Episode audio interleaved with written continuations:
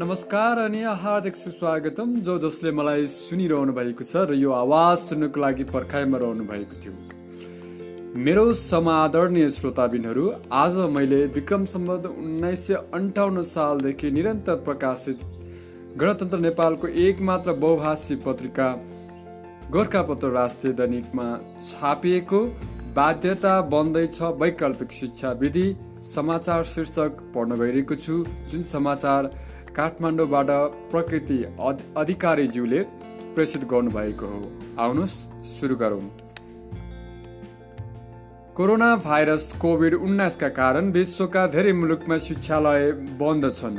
भाइरसबाट बस्न घरमै बन्द रहे पनि शिक्षा आर्जन गर्न अनेक वैकल्पिक माध्यम अवलम्बन गर्न थालिएको छ।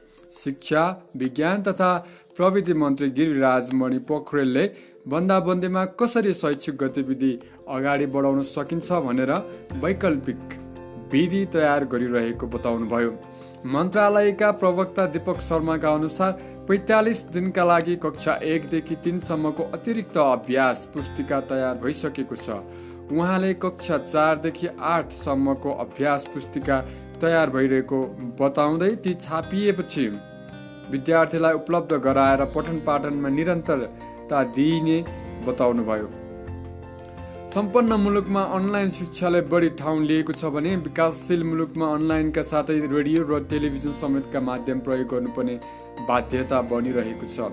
क्यानाडा अमेरिका लगायतका कतिपय देशमा विद्यालयले नै विद्यार्थीलाई अनलाइन अध्ययन गर्न आवश्यक कम्प्युटर ल्यापटप आइप्याड जस्ता सामग्री उपलब्ध गराएको त्यहाँ रहने नेपालीले जानकारी दिए। हाल अमेरिकामा रहनुभएका नेपाल अभिभावक महासङ्घका केन्द्रीय अध्यक्ष सुप्रभात भण्डारीले आफ्ना नि नाति अनलाइन माध्यमबाट अध्ययन गर्दै आएको सुनाउनुभयो। उहाँले विद्यार्थीले पठन पाठन गर्ने कुरा ठ्याक्कै रोक्नु हुँदैन। पाठ्य पुस्तक ओसार पसार गर्न रोकिएको छैन। विद्यार्थीका हातमा पाठ्य पुस्तक उपलब्ध गराउने तरिका खोजौँ। इन्टरनेट रेडियो र टेलिभिजनको पहुँच भएका वा नभएका विद्यार्थीको वर्गीकरण गरौँ भन्नुभयो। कतिपय मुलुकमा बन्दाबन्दीले खासै असर गरेको छैन। नेपालमा भने सीमित निजी विद्यालयले अनलाइन विधिबाट पठन पाठन थाले पनि। उपत्यकाका सामुदायिक विद्यालय केहीले मात्र अनलाइन विधिबाट पठन पाठन अगाडि बढाएका छन्। शिक्षाविद दिव्या घिमिरेले अझै सबै विद्यार्थी अनलाइन वा भर्चुअल विधिबाट पढ्न सक्ने अवस्थामा नरहेको बताउनुभयो। उहाँले जबरजस्ती अनलाइन विधिमा जानु उपयुक्त हुँदैन प्रतिस्पर्धाले समस्या पर्न सक्छ अभिभावकले छोराछोरीलाई घरमै सिकाउन सक्नुपर्छ भन्नुभयो। आदरणीय श्रोताबिनहरू निकै नै सान्दर्भिक समाचार शीर्षक रहेको छ। प्रकृति अधिकारीज्यूले निकै नै रोचक तथ्य यस समाचारमा प्रस्तुत गर्नुभएको छ।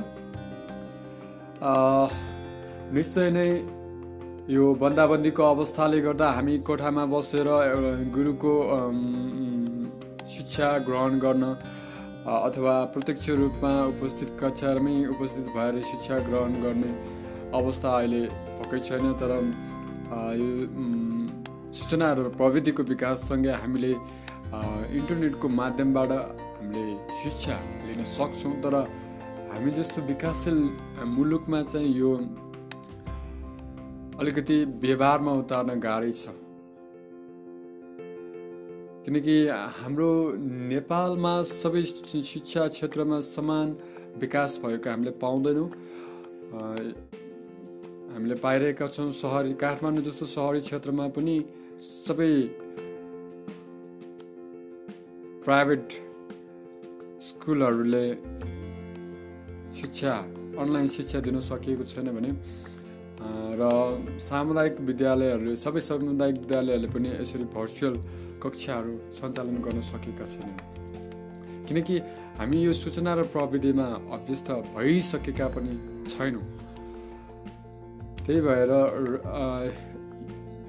यो वैकल्पिक शिक्षा विधि अनलाइन शिक्षा अहिलेलाई केही विद्यालयले अप्नाए पनि मेरो व्यक्तिगत धारणा के छ भने यो बन्दाबन्दी खुलिसकेपछि पाठ्यक्रम छोट्याएर र दिनुपर्ने विधाहरू कटौती गरेर अथवा वर्षको तिन त्रैमासिक परीक्षालाई हटाएर अथवा चौमासिक परीक्षालाई हटाएर अथवा बाँकी अब दस महिनामा एकचोटि मात्र परीक्षा लिने प्रावधान ल्याएर हामीले यसरी शिक्षालाई चाहिँ अगाडि बढाउन सकिन्छ।